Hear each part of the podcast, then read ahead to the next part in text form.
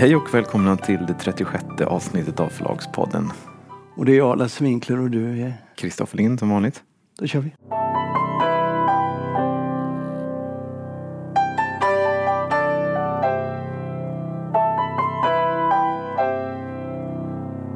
Hur är det Kristoffer? Är du slut fortfarande? Eh, nej, men nu börjar jag återkomma till, till livet. Back to the world of the living. Just det. Det var en tuff års, eh, bokmässa i år. Ja, det var som vanligt. För dig ja. Du stod ju mest och stöttade upp montern. Snygg monter vi För hade. dig var det tufft däremot. Du slet ju som en galärslav med alla dina framträdanden varje, varje halvtimme. Ja, jag har tänkt 41 stycken. Jag Oj. måste, det måste vara mest på hela mässan. Ja, det tror jag faktiskt. 41 stycken. Ja, det är 41 imponerande. stycken. Ah, inte så mycket imponerande. Det var väldigt roligt. Men eh, monter var fin i år. Den var väldigt fin. Och vi hade ju eh, på scenen så hade vi ett mycket bra ljud i år. Fantastiskt Med vi hade hjälp av Stefan som också hjälpte oss med podden. Och vi spelade också in flera, flera stycken sam, samtal. Ja, just det, det kan man säga nu när vi pratar om det här. Att, att vi spelade in eh, extra avsnitt med Förlagspodden på scen. Med bild. Mm. Och de ligger då på Förlagspoddens hemsida, två stycken avsnitt. Det är inte så mycket att se i och för sig. Nej, nej. Gud, när man ser sig själv i bild så får man ju ångest. I alla fall jag. Men vad, vad tar du med dig hem från årets bokmässa? Uh, nej, men det var väl en uh, mässa som där det återigen gick tillbaks till det normala kan man väl säga. Åsa Linderborg skrev en, en, uh, en krönika att ingenting är sig likt, även om allt, allt är sig likt. Och eh, det, det håller jag kanske inte riktigt med om, men eftersom förra årets mässa präglades av demonstrationer och kravaller och debatter med, med nya tider så kändes det som att i år det var ändå en, en mässa som vanligt. Jag tror att alla var lite eh, smånervösa. Man tittar på alla mediekommentarer, intelligenta och ointelligenta. Så, eh, jag såg till exempel Maria Chotenius i DN som skrev innan mässan hade startat att det här var en väldigt blek mässa. Hon tittade på programmet. Och jag tror att hon eh, gjorde sig själv en björntjänst där. Liksom, att peka ut mässan som en svag mässa innan den började. Jag tycker inte det var en svag mässa. Jag tycker Nej, var, jag tycker inte heller att det var en svag mässa. Vi såg att besöksantalet kom tillbaka. Det var 85 000 besökare. Sen hade också förlagen, Norstedts och Bonnier, hade tydligen eh, båda två all time high i försäljning och sålde otroligt mycket böcker. Ja, Inte bara dem. Nej, inte Det bara. var många som hade det. Ja. Besökarna var tillbaka och besökarna var på, på gott köphumör. Och det är väl en bra, det är väl en bra termometer för någon slags eh, engagemang ute bland läsarna. Jag hade en underbar, eh, ett underbart möte. Jag vet inte om man ska kalla det möte. Jag kom för tidigt lördag morgon. Det öppnade ju nio där. Så jag var väl där några minuter i. Och så stod det en familj, två vuxna och två barn. Vuxna barn i och för sig. En man och en kvinna. En man kvinna till. Eh, utanför Linns monter. Och kvinnan stod på kryckor. Så, så, och så pratade hon, hon hade ryggsäck och så.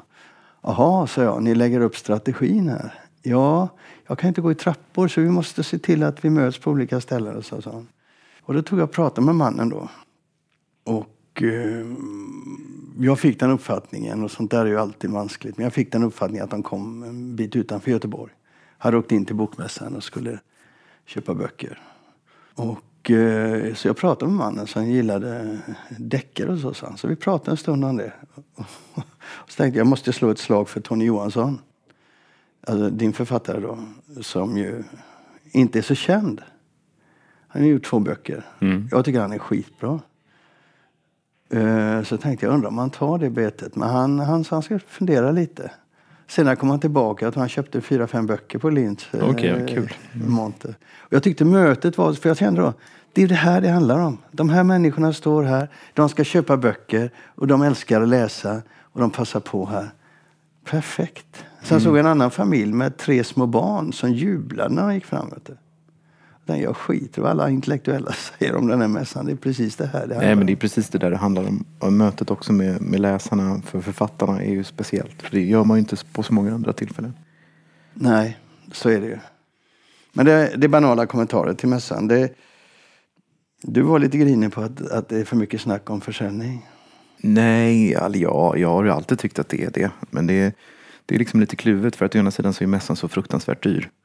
Och ju större förlag man har desto mer kostar det. Det är fruktansvärt dyrt. Allting är väldigt dyrt. Och inte bara på mässan utan allt runt omkring mässan med middagar och resor och sådana saker. Så det är klart att förlagen är ju väldigt glada för att man kan sälja böcker och det är kul att man kan det skapar en väldigt positiv stämning i montrarna alltså när, man, när man slår försäljningsrekord och så. Men jag upplever att det kan bli en väldig fokusering på det här på ett sätt som nästan blir absurt. Um, Eh, och eh, Bonnierflagen Bonnierförlagen har ju verkligen tänkt ut hur de ska optimera sin försäljning. Man har byggt om montern väldigt mycket. Den är väldigt lätt att komma in i. Man har väldigt många kassor. Man har många signeringsbord och sådana saker. Jag tror att Norstedts också hade byggt om montern för att optimera försäljningen på ett annat sätt än tidigare.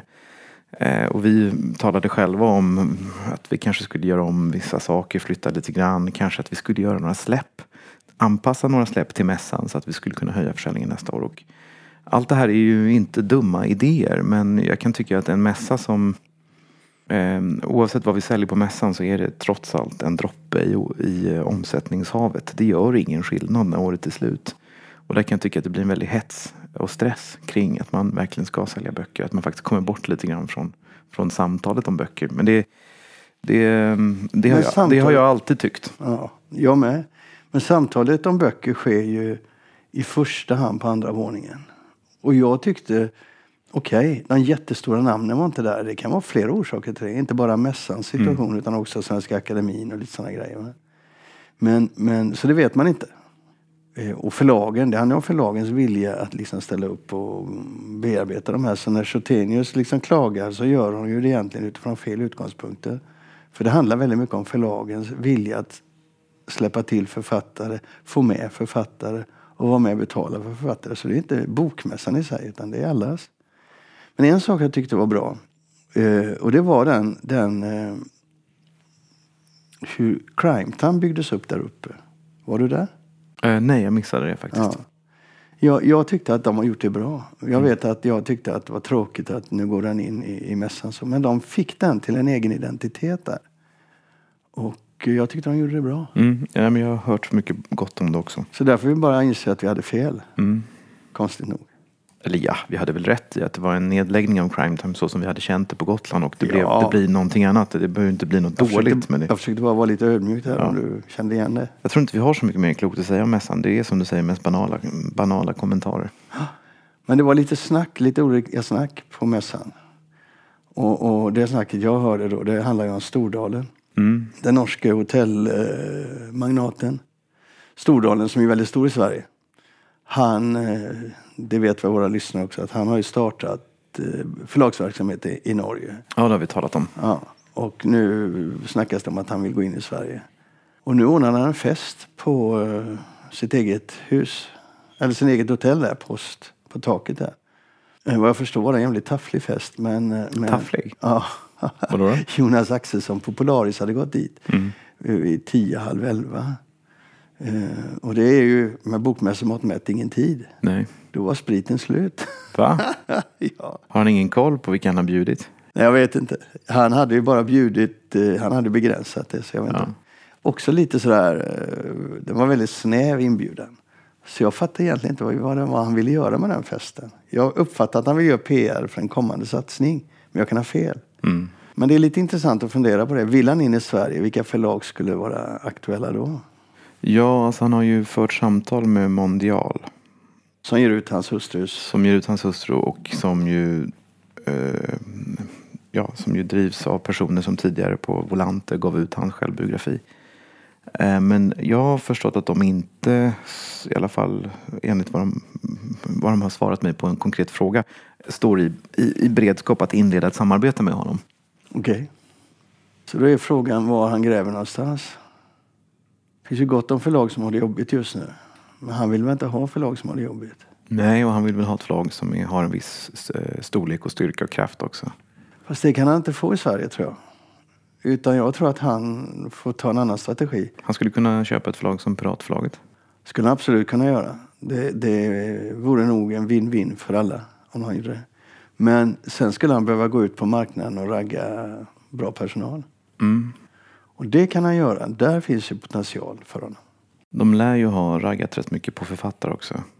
Ehm, de norska, den norska delen av förlaget har ringt runt till svenska författare och eh, sagt att de gärna vill ge ut dem i Norge i första hand men även öppnat upp för kanske utgivning i Sverige. Och några av de här författarna har varit ganska namnkunniga.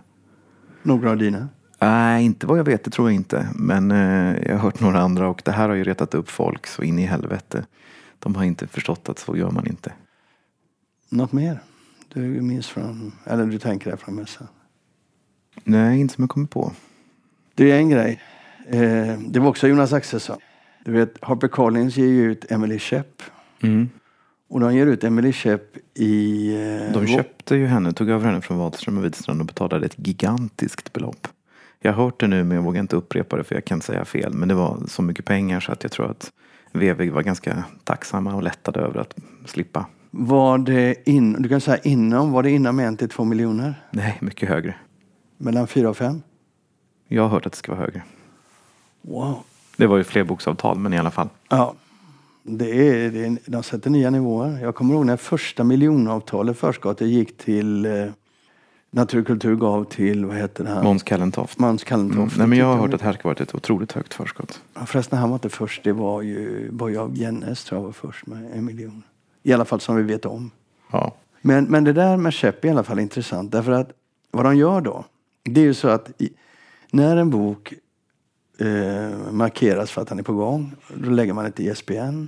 Och så berättar man att den ska komma. Man har ofta en titel också. Mm. Eh, och då när det sker så går Adlibris in och markerar upp att den finns. Det där är lite eh, lurigt därför att det betyder att de kan så att säga kapitalisera på utgivningen av en bok i månader innan en, den fysiska bokhandeln och konkurrenterna kan göra det. Mm. Jag tycker det är absurt. Jag tycker det är konkurrensinskränkande. Eh. Men Du menar att är- de tar upp förhandsbeställningar då? Ja, Mm. de tar upp förhandsbeställningar. Jo, i, i, i fallet Emily Sheps nya bok då, så skriver Adlibris och gör reklam redan nu. Så skriver de. Broder Jakob är den femte delen om åklagaren Jonna Berzelius. Redan nu kan du förhandsbeställa boken som kommer i mars 2019. Och sen går du upp på deras hemsida så ligger den i toppen på deras hemsida. Då är det flera saker som slår mig. Bokjäveln är ju inte klar ännu. Jag kan inte tänka mig det. Nej. Eh, Så de vet ingenting. Utan nu ska de bara kapitalisera rätt girigt på det här. Va? Och så lägger de upp den på topplistan. Ingen av oss kan läsa den. Vi kan inte samtala om boken. Och böckerna vi kan samtala och läsa, de försvinner ju neråt då. De får inte utrymmet.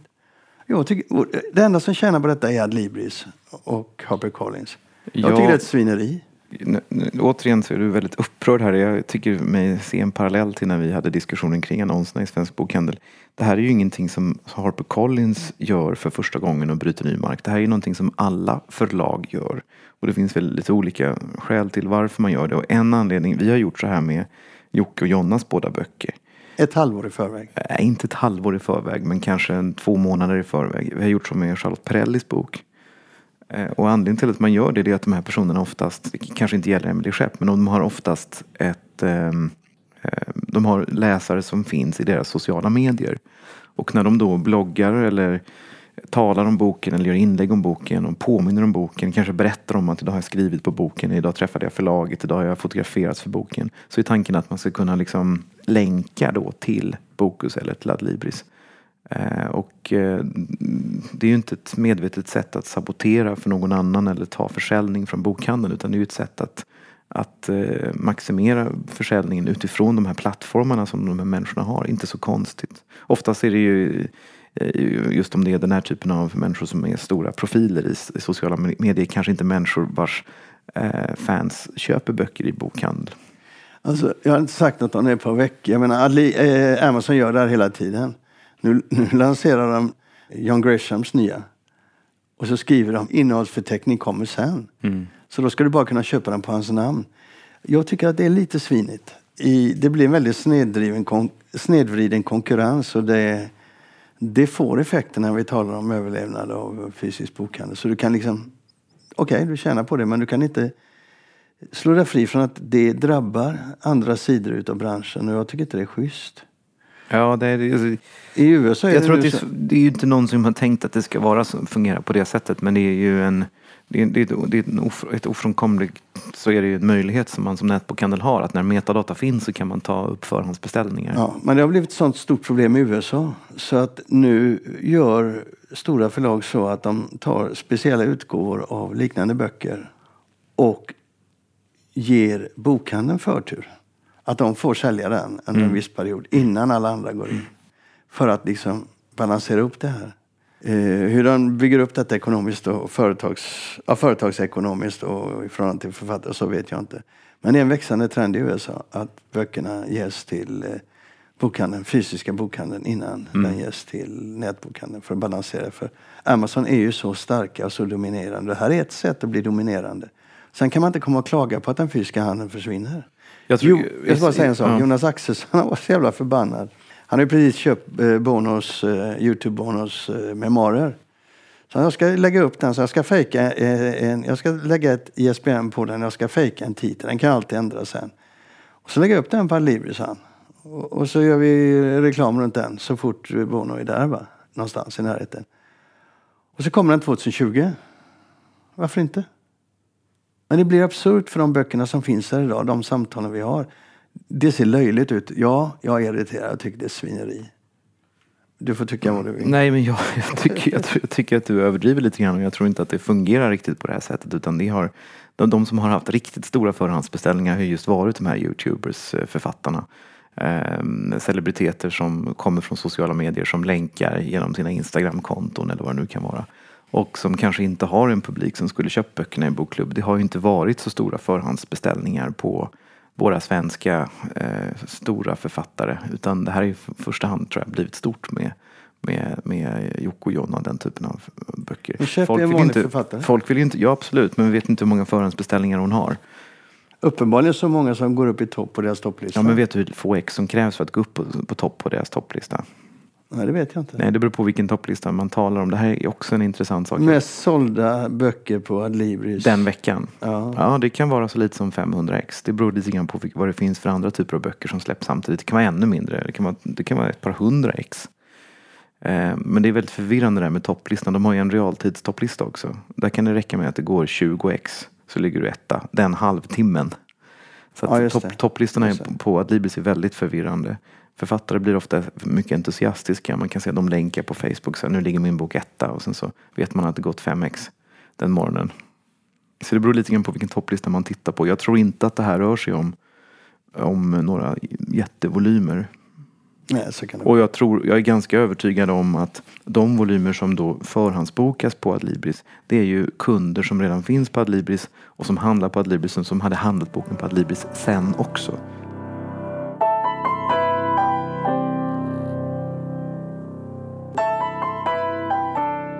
Du, eh, men vad en grej jag gjorde på Bokmässan.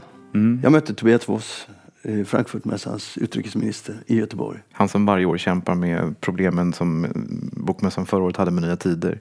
Ja, alltså, han, han pratar hela tiden. Han åker ju runt i de här, alla de här länderna i världen som arbetar med, som arbetar med, med förtryck som ett eh, medel. Iran, eh, Ryssland. Så här. Och talar om yttrandefrihet och vad som gäller i Frankfurt. Och han, eh, så han åker runt över hela världen och pratar om utställare. Så. Och de har ju haft en väldigt eh, konsekvent linje på Bokmässan i Frankfurt. Att allt som är, allt som är lagligt har fritt fram så att säga. Man kanske ska säga det, hur det ser ut i Tyskland, för det är eh, väldigt få svenskar som vet. Men enligt tysk lag kan bokmässan inte förbjuda eller stoppa en utställare utifrån politisk uppfattning. Och det man kan stoppa är böcker och propaganda genom att gå till domstol och kräva att de inte får ställa ut de böckerna på bokmässan. Och det är så det går till. Eh, och de väntar ju nu, Frankfurtmässan väntar ju sig nu en eskalering av förra året. Du kommer ihåg förra året när, när ett antal Antifa, som han säger, Tobias Foss, gick in och betalade sig in på mässan för att göra två aktioner mot två stycken av utställarna. Där, eh, Eh, det högerförlaget Antaios och eh, Neue Zeitung heter den, den andra som har varit på mässan. Neue Zeitung har varit där över 20 år. De gick in där för att eh, protestera. Och det gjorde de ju. De skrek ut med nassarna, ut med nassarna. Och eh, då blev det ju blodvite och polisen kom dit. Så de, de stoppade ju det. Va? Eh, Även om det i media såg ut som världens kaos. I Det rent praktiska så har man placerat de här två högerextrema utställarna i, eh, på ett annat ställe. Tidigare så gjorde man så att man placerade dem ute i hallarna och sen så gjorde man ett band utav solidaritetsorganisationer som skulle så att säga balansera upp och motverka de här högerextrema grupperna. Men eh, det visade sig att när det kommer folk utifrån så klarar man inte det. Utan då har man nu flyttat de två och satt dem på ett ställe i ett hörn. Där man eh, med polis kan skära av ifall det händer saker. Man har säkerhetsläget under kontroll. Så gjorde man också i Leipzig och då bestämde sig för Neue Zeitung för att då ville inte de vara med. De här högerextrema grupperna har börjat um, så att säga använda språket, sina motståndares språk. Och det skapar ju en jädra förvirring och, och, och, eh, konsternation. Som Nya Moderaterna under Schlingmans period? Eller? Ja, lite så. Men alldeles innan bokmässan, kommer du ihåg att det var en nyhet i tidningarna att ett par nazister hade eller eh, högerextremister hade mm, gått upp på Kulturhuset i Stockholms tak mm. och så firat sig ner med en banderoll. Mm. Bernt Hermele tog upp det på bokmässan mm. då. Va? Och eh, på den stod då Stoppa förintelsen av vårt folk. Och då ska man veta att om några veckor så öppnar en utställning på Kulturhuset som, Kulturhuset som heter Vittnen. Och den syftar på överlevande från förintelsen ordet stoppa förintelsen har ju aldrig varit de högerextremas språk. Nej. Det blir ju absurt när de gör det. Och i Tyskland har man gjort detta ännu mer. Detta är en, en, en linje, alltså en medveten linje. Och det fick också effekter på bokmässan i Frankfurts stora tema i år. Man funderar, vad kan vi ta för tema som inte de kan kapa? De har ju valt att, kalla, att, fokusera på, på uh, de mänskliga rättigheterna som är 70 år i år. Liksom Frankfurtmässan. Mm. Och den, den kampanjen heter On the same page. Och sen har de i sin, på sin politiska scen valt att fokusera på upplysningsidealens idéer. Eh, med ett väldigt positivt anslag. Och där räknar man med att nazisterna, även om de gör försök att gå in i att försöka kapa värderingar där och göra dem till sina, så kan de inte det för det är allt för mycket som de inte håller med om där som är allt för stökigt för dem. Så att man räknar med att man kan få en väldigt bra plattform. Men situationen i Tyskland är mycket hårdare än i Sverige. Du har ju inte bara nazister och högerextremister i Bundestag. Då har de ju delstatsregeringar och där har du rena nazister. Och sen har du, kom ihåg vad som hände i Chemnitz? Med de här gatukravallerna. Chemnitz. Vad heter det? Chemnitz. Chemnitz kanske det heter. Ja, där ser du. Och det ligger ju som en, en, en skugga i, ja. i här i, i eh, Frankfurt. Vet du hur många utställare de har? Hur många Nej. förlag de har i år? Det är mm, flera tusen. Du får gissa. Ja, um, 3000. Han sa 70 200. Jag kan Utställare? Ja. Herregud. Ja, det är, det är världens, tio gånger, det är, det är världens största mässa så det kanske inte är orimligt. Nej, det låter väldigt mycket. Men två av dem är då högerextrema. Och media kommer väl gå in för konflikt och, och motsättningar så att de kommer att fastna. Men det ska bli väldigt roligt. Och det var väldigt roligt att prata med Tobias Voss. Och vi får, podden får en intervju med Jörgen Voss. Alltså mässans eh, chef. Högste chefen. Högste chefen. Geschäftsführen. ja, vi får se om det blir något. Uh, uh, intervjun ska jag göra, men vi får se om det, vad det blir mm. av det. Så att säga. Blir det bra så kommer det med i podden framöver. Jag lekte inte med ord, det heter Geschäftsführer på tyska. Det heter så? Mm, det betyder VD. På tyska, på tyska brevpapper så står det alltid vem som är Geschäftsführer. Det måste det stå på brevpapperna. Det låter ju väldigt roligt. Och när jag för någon vecka sedan skrev under ett kontrakt, ett tyskt kontrakt, då så stod det så här Geschäftsführer doktor Hermann Voss. Och så skulle jag skriva under då Geschäftsführer Lind Co. Och sen har de också i Tyskland, så har de alltid, de stämplar alltid sina avtal. Okay. Eh, och eh, det hände för ett tag sedan att det var ett avtal som kom från Tyskland. Och eh, jag skrev under som vanligt, vi har liksom ingen stämpel här. Och då frågar de, vad har ni er stämpel? Då har ni inte stämplat ert avtal. Det, det är det enda land i världen där jag har stött på detta stämpla. De älskar att stämpla saker. Och sen så ska man skriva under då geschäftsfürer. Helst då ska man ha någon doktorstitel eller något sånt. Det är rätt så vanligt bland förlagscheferna att de har. Mm, det är väl bara att kalla sig doktor.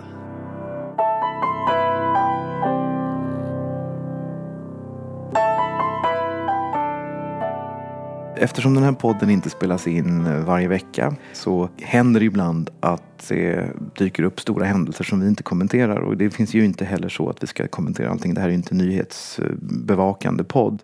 Men det finns ändå en sak som, vi, som det nästan vore konstigt om vi som förlagspodden eh, inte kommenterar och det är Storytel Bonnier-avtalet. Ja, vi har ju pratat lite om de här frågorna förut. Ja, ja, det har vi faktiskt gjort. Och, eh, det finns säkert ingen som lyssnar på podden som inte känner till Storytel Bonnier-avtalet. Och i korthet så går det alltså ut på att Storytel har en revenue share-modell som har inneburit att ersättningen till förlagen har minskat och minskat och minskat. Men med, med Bonnierförlagen så har man inte revenue share utan man har fasta ersättningar. Och det har då framkommit eh, efter Lars Schmitts eh, noggranna eh, undersökningar och Niklas Strömstedt skrev artikeln tillsammans tror jag. Att Bonnierförlag, I Svensk Bokhandel. i Svensk Bokhandel att Bonnierförlagens ersättning ligger eh, nästan ungefär dubbelt så högt som den ersättning som övriga förlagen får. Och det här stod ju då ner som en bomb. Eh, men eh, det här var ju ingen nyhet för oss. Nej. Den som har lyssnat noga på podden, jag tappade öronen höll jag på att säga när du droppade det, men du sa faktiskt detta i podden för ett halvår sedan. Ungefär vad den här nivån låg på. Du sa det bara så här apropå som i, som i för... Som, ap, apropå. Ja, det kanske jag gjorde. Jag kommer inte Ja, ihåg. så vi, det, vi har faktiskt nämnt detta i, i podden. Eh, och, ehm, men men eh, när, när nyheten väl kom i Svensk Bokhandel så slog det ner som en bomb. Ja, för då blir det ett faktum. Ja. Eh, vi hade ju inte, vi hade ju inte så att säga pratat runt så. Men avtalet slöts när, eh, när Storytel var lika små som alla andra. Och jag tror att Jonas Tillander insåg att får jag ett avtal med Bonniers så vinner jag det här. Vilket skedde också. Och Bonniers insåg att eh, ska vi sluta avtal med någon överhuvudtaget så ska det vara fast pris. Vi, vi vägrar få en revenue share som betyder att man delar gemensamt på det överskottet som blir en viss procent av den totala omsättningen. Och den kan alltså fluktuera. Har gjort det från 37 kronor ner till... ja, det beror på 17. från vilken tid man mäter. Men det, har, Men när, vad var det som bäst då? ja, det, ju, det var bättre ju längre tillbaks du går. Men jag kommer inte ihåg när jag, vi började göra ljudböcker ganska sent. Eh, Men jag kommer ihåg när den var då låg 37 det kring, kronor för alla. Då låg det kring 40. Ja. Och nu är den nere i 17. Och, och nu börjar vi närma oss nivåer där en hel del av de böckerna som görs inte blir gjorda därför att det lönar sig inte. Man vågar inte chansa en sån hög kostnad som det ändå är på, på inspelningskostnader och så. Så att det kan ju bli att, att marknaden eh, stryper sig själv på sikt. Om den går ner mycket mer. Jag förstår inte. Eh, eller jag förstår varför Storytel gjorde detta avtalet. De vann marknaden på det. Och jag vet inte hur långt det är för jag misstänker att de måste börja omförhandla. Och när de väl omförhandlar då kan vi stå inför krig. Jag vet inte du, hur du tänker om det men jag tänker så här. Att när det ska omförhandlas och Bonniers vägrar att ta ett avtal som inte är ett fast pris och Storytel har svårt att ta ett fast pris därför att då får de alla andra på sig och de kan också få Konkurrensverket på sig när de slutar det nu igen. Va? Så de kan ju försöka gå ner lite men Bonniers vill ju inte det. Va? Och jag tänker mig att det kan bli ett krig där marknaden slås sönder. Bonniers tar sina böcker och går och Storytel tar sina böcker och går och så får man se vad de övriga förlagen gör. Och då blir det en kamp som kan förändra eh, marknaden för eh, ljudböcker totalt. Eller? Ja, det, en sån utveckling är väl inte otänkbar. Och vi har ju sett i Finland nu att man har faktiskt gjort så att där släppte ju Bonnierförlagen inte på sina titlar eh, till eh, Storytel utan man byggde upp Okej. Bookbeat istället. Eh, Vesoy och eh, Tammis böcker i eh, Finland eh, fanns eh, till att börja med bara på, på, på Bookbeat. Eh, och det har gjort att Bookbeat där är idag tre, fyra gånger större. Så att det är ju ofrånkomligen så att även om Storytel är ett väldigt bra företag, har en väldigt bra app, har en väldigt populär app, har väldigt bra innehåll. Så är det ju just innehållet som är det viktiga. Så att om allt för mycket innehåll försvinner så, så blir, det nog, blir det nog tufft.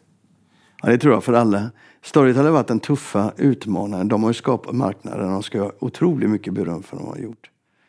Men, men hade jag varit ett förlag så hade jag nog eh, tyckt det var jobbigt att se att Bonniers får 40. Det är ju inte fel av Bonniers. Det fanns ju några eh, saker som vi måste också säga bara och det är ju att när det här har ju då varit bland förläggare en snackis under, jag ska säga, senaste halvåret. Och själv har jag nog legat sömnlös några nätter kring det här. Vilket jag inte gör längre för övrigt. Okej. Det skulle du fråga mig varför. Men det kan vi återkomma till sen. Ehm, Varför? Ja, därför att jag tror att det här är helt ohållbart på sikt. Eh, jag tror inte att det är möjligt att Bonnierförlagen kan ligga på en, sån högre, en, en så pass mycket högre ersättningsnivå än övriga. Det är inte hållbart för Storytel, det är inte hållbart för Norstedts framförallt. Det skapar en sån snedvriden konkurrens. Eh, och det här avtalet förhandlas ju kontinuerligt så jag tror att vi kommer få se ett slut på det här så småningom. Sen exakt hur det slutar det är svårt att säga. Men jag tror att de, de författare som tänker att de ska tjäna mer pengar genom att byta förlag eh, kanske inte Hinner med det? Nej, det här, exakt. Det här, tror jag, det här är inte ett eh, tillstånd som kommer vara på den svenska bokmarknaden. Nej, det där är lite intressant. För de som har känt till detta eh, har ju förstått att om jag byter förlag nu så får jag minst dubbelt så mycket betalt. Jag blir rikare om jag går till Bonniers. Så har det inte sett ut på marknaden. Det har, varit, det har enbart varit eh, det förlaget som är bäst på marknaden för att sälja. Men eh, när villkoren är så snedvridna så kan det påverka vart författare går och det är lite olyckligt. Och det är där Konkurrensverket kan komma in kan jag tänka mig. Om, nu tror jag inte de gör det, men de skulle kunna ha gjort det. Jag är inte så bra på konkurrensrätt men jag tror inte att det är där som konkurrenslagstiftningen skulle kunna tillämpas. Men eh, eh, du har ju helt rätt i att det blir ju, det blir ju en sned, snedvriden konkurrenssituation. Och på sikt så är det ju väldigt problematiskt, inte minst för Norstedts. Och det har ju väl varit en av de stora sakerna som det ändå har liksom skapats klarhet i, i, i kölvattnet av de här publiceringen som Svensk Bokhandel gjorde. Och det är att, att eh, Bonnier eh, har ett annat avtal, en fast ersättning. Ehm, men att de andra förlagen ligger på ungefär samma nivå. Det skiljer lite grann, lite upp, lite ner, men det är ungefär i stort sett samma nivå. Och att Norstedts inte har ett avtal som är anmärkningsvärt mycket bättre utan att som också ligger på ungefär samma nivå. Och att skillnaden där är ganska stor. Mellan Bonniers och Norstedts, ja. Ja. Eh, och det är naturligtvis ett problem för Storytel också som ju råkar äga Norstedts. Ja, det är ett jättestort problem för dem som de, de eh, nu måste justera. Så de har ju en ambition att det ska gå ner och bli lika för alla. Ja. Sen, har de ett, sen sa han faktiskt i Svensk Boken att de har ett förlag till. De har- sa det och det var ju väldigt intressant. Eh, och eh, Jonas Lander formulerade det som så att det finns ett förlag till som också har svenska böcker som har fast ersättning. Och då tolkar jag det som att det var ett förlag som även hade böcker på andra språk. Ja, och då gissar jag att det var då gissar att det är HarperCollins. För det finns inte så många andra aktörer som har eh, titlar på olika språk. Nej, det är också logiskt för han får, de har ju fått en del eh, utländska titlar och det, det, det har de behov av så den är viktig. Den, ett sånt avtal för dem är lika viktigt som Bonniers på andra marknader. Så att visst, jag kan tänka mig att det är HarperCollins. Sen har vi ju sett en annan utveckling under sommaren här som, som är ny, upplever jag det som i alla fall. Och det är att eh, Nextor och Bookbeat har båda ökat ganska kraftigt. Eh, om de tidigare stod för, en, en, nu talar jag från Lind Companys perspektiv, inte från branschen i sin helhet. Men om de tidigare stod kanske för 10 procent av våra ljudboksintäkter. Tillsammans. Ja, tillsammans. Så har de nu hoppat upp till 25 procent Tillsammans. tillsammans. Det är intressant. Ja, det är väldigt intressant. Och kan ju på sikt också vara en viktig pusselbit om det, om det blir ett massivt missnöje med, med Storytels ersättningar så finns det ju faktiskt andra aktörer. Men det är också intressant att se hur, hur, hur just eh, ljudboks, ljudboksutvecklingen har sett ut. Den är ju magisk. Ja, den är magisk. Vi talade lite grann om det på Bokmässan att var tredje bok som eh, säljs i Sverige idag, eller konsumeras kanske man ska säga, är idag en, en eh, digital bok. Streamingtjänsterna ökade med 38 procent under första halvåret 2018. Och det blir väldigt intressant att tänka sig, vilket vi pratade om på Bokmässan då, där hierarkin i bokbranschen bygger ju på hur många pappersböcker du säljer, förutom hur fin du är då, eh, litterärt. Så, eh, och fin innan citationstecken man ska säga då när man pratar. Så eh, har ju media, framförallt kulturjournalisterna, en hierarki som de vårdar och eh, håller uppe. Så har de missat totalt att den hierarkin, om den ska bygga på lyssningar, läsningar, är totalt förändrad idag. Jag tänkte på det när Dag sitter där med sin käpp på, på, på scenen. Örlund. Ja, Dag Örlund ja, och pratar. Och han är väldigt rolig. Han har ju inte den här, eh, han har inte den fina kostymen, den här eh, eleganta framtoningen. Han skriver du? deckare, han skrivit memoarer, han skriver deckare och han skriver eh, om seriemördare också. Eh, Och han är enormt stor. Men det fattar inte media. Nej, alltså jag kom, det, det kom Eller jag på- Jonas- när, vi satt och, när vi satt och pratade på scenen Ja. om, om det här så, så slog det mig och eh, att Dag Örlund faktiskt kanske är Sveriges mest lästa författare. Och med lästa menar du lästa snedstreck lyssnade på. Ja, exakt så. För att lägger man ihop alla lyssningar, han är också så otroligt produktiv. Han kommer ut i år med, i år har han släppt fyra titlar. Och alla går otroligt starkt som ljud och säljer ganska bra i papper också. Lägger man ihop allt det här så tror jag att det är få författare som kommer upp i så många eh, lyssningar, läsningar som Dag Örlund. Och totalt om en per Ja. bok så kan ju en sån som Emily Shep till exempel ta mer. Svårt att tro att hon ligger över honom på ljudet. Kanske totalt sett, men inte på ljudet, det tror jag inte. Nej. Och sen har du Jonas Molund som heller ingen pratar om så mycket. Och Marianne Cedervall. Moström. Moström menar jag, förlåt. Jonas Moström, Marianne Cedervall och Micke Ressem som ju också är författare som jag vet säljer oerhört bra på ljud. Mm. Men inte heller de pratar media om för de ser dem inte. Nej, och vi kommer få helt enkelt ett nytt, ett nytt eh, boklandskap som växer fram här. Och det kommer om fem år, om tio år inte spela någon roll om du konsumeras i ljudboksformat eller i pappersformat. Det kommer ha lika hög status. Och det kommer, viktigast är ju att man blir läst och att man har intäkter.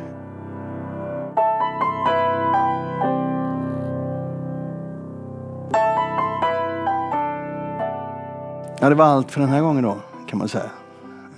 Avsnitt 36 slutar här. Och eh, nu åker vi till Frankfurt Ja, det blir spännande. imorgon. Mm. Och vi kommer att sända där, inte sända därifrån, men vi kommer att eh, jobba där. Så vi, i nästa avsnitt, 37, så kommer ni att höra en hel del från Frankfurtmässan. Vi följer upp det vi har sagt. vidare. Det ska bli kul. Jag tycker alltid det är årets höjdpunkt. Det som en del förläggare säger, det är, det, det är deras julafton. Mm. Jag vet inte.